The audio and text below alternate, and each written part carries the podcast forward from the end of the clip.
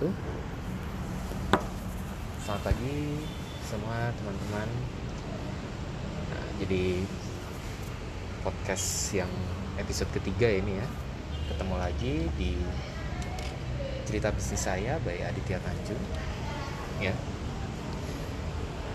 Di uh, episode ketiga ini saya pengen bahas atau cerita sedikit mengenai uh, asal awal mula saya atau reasoning saya membuat energi. Ya itu adalah perusahaan saya yang di bidang bisnis eh, di konsultan IT ya. Nah jadi saya ingin sharing itu.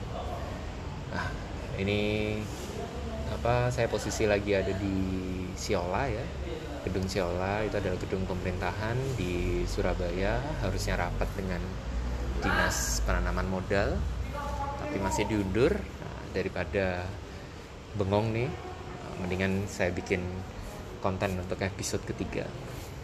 Oke langsung uh, saya mulai. Jadi saya mungkin sudah cerita ya di episode 1 juga ada di episode 2 sedikit banyak.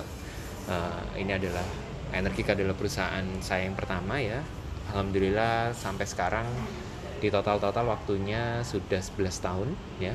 Dari 2009 sampai di 2020 jadi uh, energi ini sebenarnya dibangun atau filosofi katanya dulu ya energi itu uh, ada sebenarnya basicnya adalah dari energi dan geek geek itu kalau di istilah uh, apa ya dia mirip seperti nerd lah atau semacam kutu buku tapi ini kutu IT gitu ya.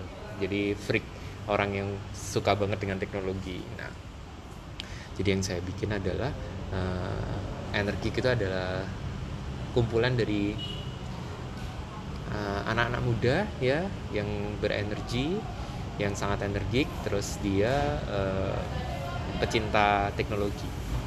Nah jadi berangkatnya dari situ. Energi sendiri fokusnya seperti yang sudah saya sempat singgung ya itu fokusnya lebih kepada uh, government jadi klien-klien kita itu posisinya fokusnya di government. Awalnya itu berangkat dari ini apa namanya pemerintah ya pemerintah uh, yang paling banyak dulu awalnya kiprahnya dari pemerintah kota Surabaya.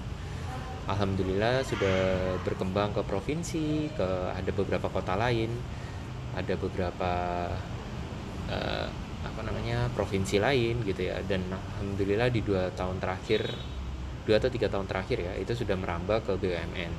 Nah beberapa klien BUMN kami itu adalah hmm, ada Pelindo, ada Pertamina yang lagi jalan saat ini. Oh iya dulu ada Bank Mandiri juga yang lagi jalan saat ini ada hmm, Petrokimia Bersik ya.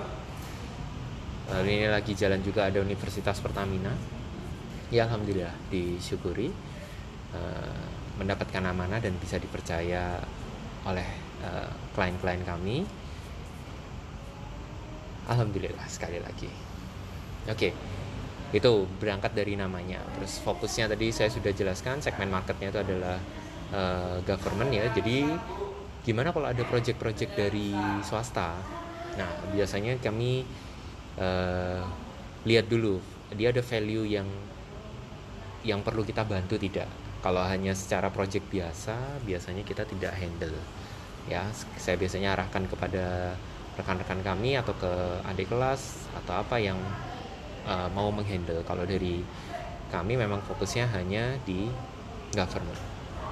Nah cerita mengenai fokus uh, fokus ini sangat menarik ya menurut saya. Jadi uh, kita sudah reprofiling dan akhirnya memutuskan berfokus kepada government itu mungkin di tahun 2015 lah ya. 2015 itu ada beberapa project swasta akhirnya kita cut ya tidak kita lanjutkan. Uh, ataupun ada tawaran baru juga kita tidak mau handle. Nah tapi ya alhamdulillah sejak itu ya fokusnya kita menjadi government oriented customer segmentnya itu secara omset malah naik tiga kali lipat Nah ini yang agak nggak masuk akal ya, tapi faktanya seperti itu. Ternyata setelah saya analisa, pada waktu kita sudah menentukan fokus ya uh, segmen, itu akhirnya uh, menjadi menjadi sangat tajam kita di sana. Begitu. Jadi uh, menjadi sangat expert. Jadi kalau sudah meeting dengan klien gitu dia cerita sedikit aja udah paham ini permasalahannya di mana. Karena biasanya masalah di satu tempat dengan tempat lain untuk di government ini uh, mirip mirip dan cara solvingnya juga mirip. Jadi makanya begitu lama di sini kita bisa jadi expertise expertise di bidang government. Hmm, kira-kira seperti itu ya. Jadi bagusnya fokus itu. Dan komunikasi komunikasinya kita itu sudah sangat detail ya. Uh, jadi apa yang harus dilakukan itu selalu dikembalikan kepada kalau government butuhnya apa government butuhnya apa kira-kira seperti itu. Jadi kita tajam. Lalu waktu yang dihabiskan juga uh, ini fokusnya gimana caranya bisa ketemu orang baru di government bisa ngobrol. Fokusnya ke situ. Kalau dulu pas ada swasta itu kepecah gitu ya. Kadang handle swasta kadang handle government gitu. Nah kalau ini begitu fokus itu waktunya bisa 100% untuk saya biasanya yang uh, cari project atau berkomunikasi itu bisa fokus banget. Jadi ketemunya ya sama orang government terus orang BUMN terus gitu. Tapi alhamdulillah saya sangat menikmati ya.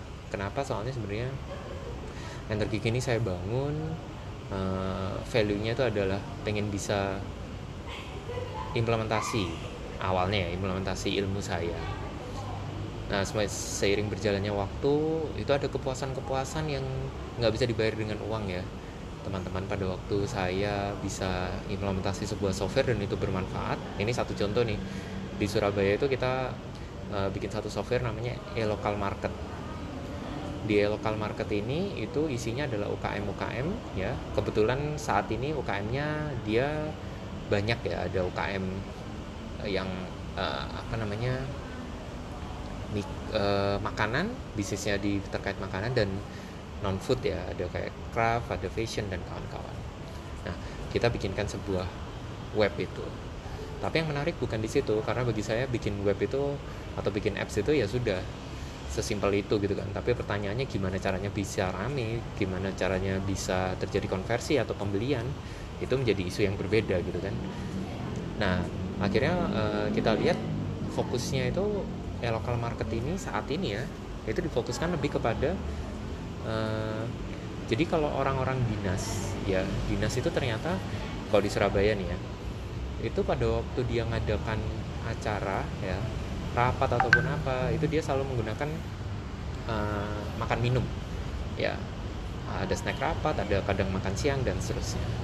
Nah selama ini uh, potensi anggaran makan minum itu biasanya uh, diserap ya atau di dialokasikan biasanya untuk brand-brand yang sudah cukup besar. Nah, kebijakannya sejak ada aplikasi lokal market ini dibikin surat uh, edaran dari Sekda itu diwajibkan untuk uh, pemerintah kota dinas-dinas kalau misalkan ngadain acara itu harus belinya dari UKM nah pakainya aplikasi eh, local market ini karena uh, dari sisi budgetnya sangat besar ya untuk acara-acara seperti ini dan pengadaan makan minum itu. Tapi memang uh, tidak bisa 100% pakai produk UKM ya. Jadi taruhlah anggarannya X gitu ya dan kita bisa terserap 50% untuk UKM saja itu sebenarnya sudah cukup bagus. Karena ada beberapa uh, tamu-tamu VIP yang uh, kita harus jamu dengan bagus ya. Itu biasanya baru pakai yang yang brand-brand besar. Karena secara rasa uh, bisa dipastikan lah ya. Kira-kira seperti itu. Ya itu ada cerita singkat ya tentang energi. Uh, reasoningnya saya bangun value-value yang uh, saya oh iya jadi menariknya itu adalah kalau ketemu pas UKM itu mereka sangat senang ya karena selama ini kalau kalau belum ada lokal market ya selama ini kalau dia itu harus ikut pameran gitu kan. Kalau cara jualannya ikut pameran dan kawan-kawan. Nah ini dengan adanya aplikasi lokal market nggak perlu ikut pameran dari orang dinasnya langsung menghubungi untuk beli gitu kan. Wah itu keren banget menurut saya. Dan transaksinya yang terjadi sudah cukup besar. Cuma sayangnya uh, pas pandemi ya di covid ini itu pen, apa transaksi turun drastis karena rapatnya juga dibatasin banget ya. Kira-kira gitu. Nah begitu UKM-nya ngobrol wah senang banget menggunakan aplikasi ini tuh ada ada kepuasan gitu kan. Ada kepuasan yang kadang itu nggak bisa diukur pakai duit ya. Jadi ada kepuasan batin wah alhamdulillah yang saya lakukan bisa bermanfaat. Mungkin uh, seperti itu. Uh, ini adalah ngobrol singkat ya di podcast cerita bisnis saya Gaya Aditya Tanjung. Semoga manfaat eh, teman-teman. Uh, Insya Allah kita akan lanjut di episode keempat. Nah di episode keempat ini kemungkinan kita akan bahas mengenai Ismovin yaitu adalah brand tas fashion tas saya terima kasih uh, atas waktunya. Semoga manfaat sekali lagi saya tutup. Uh, wassalamualaikum warahmatullahi wabarakatuh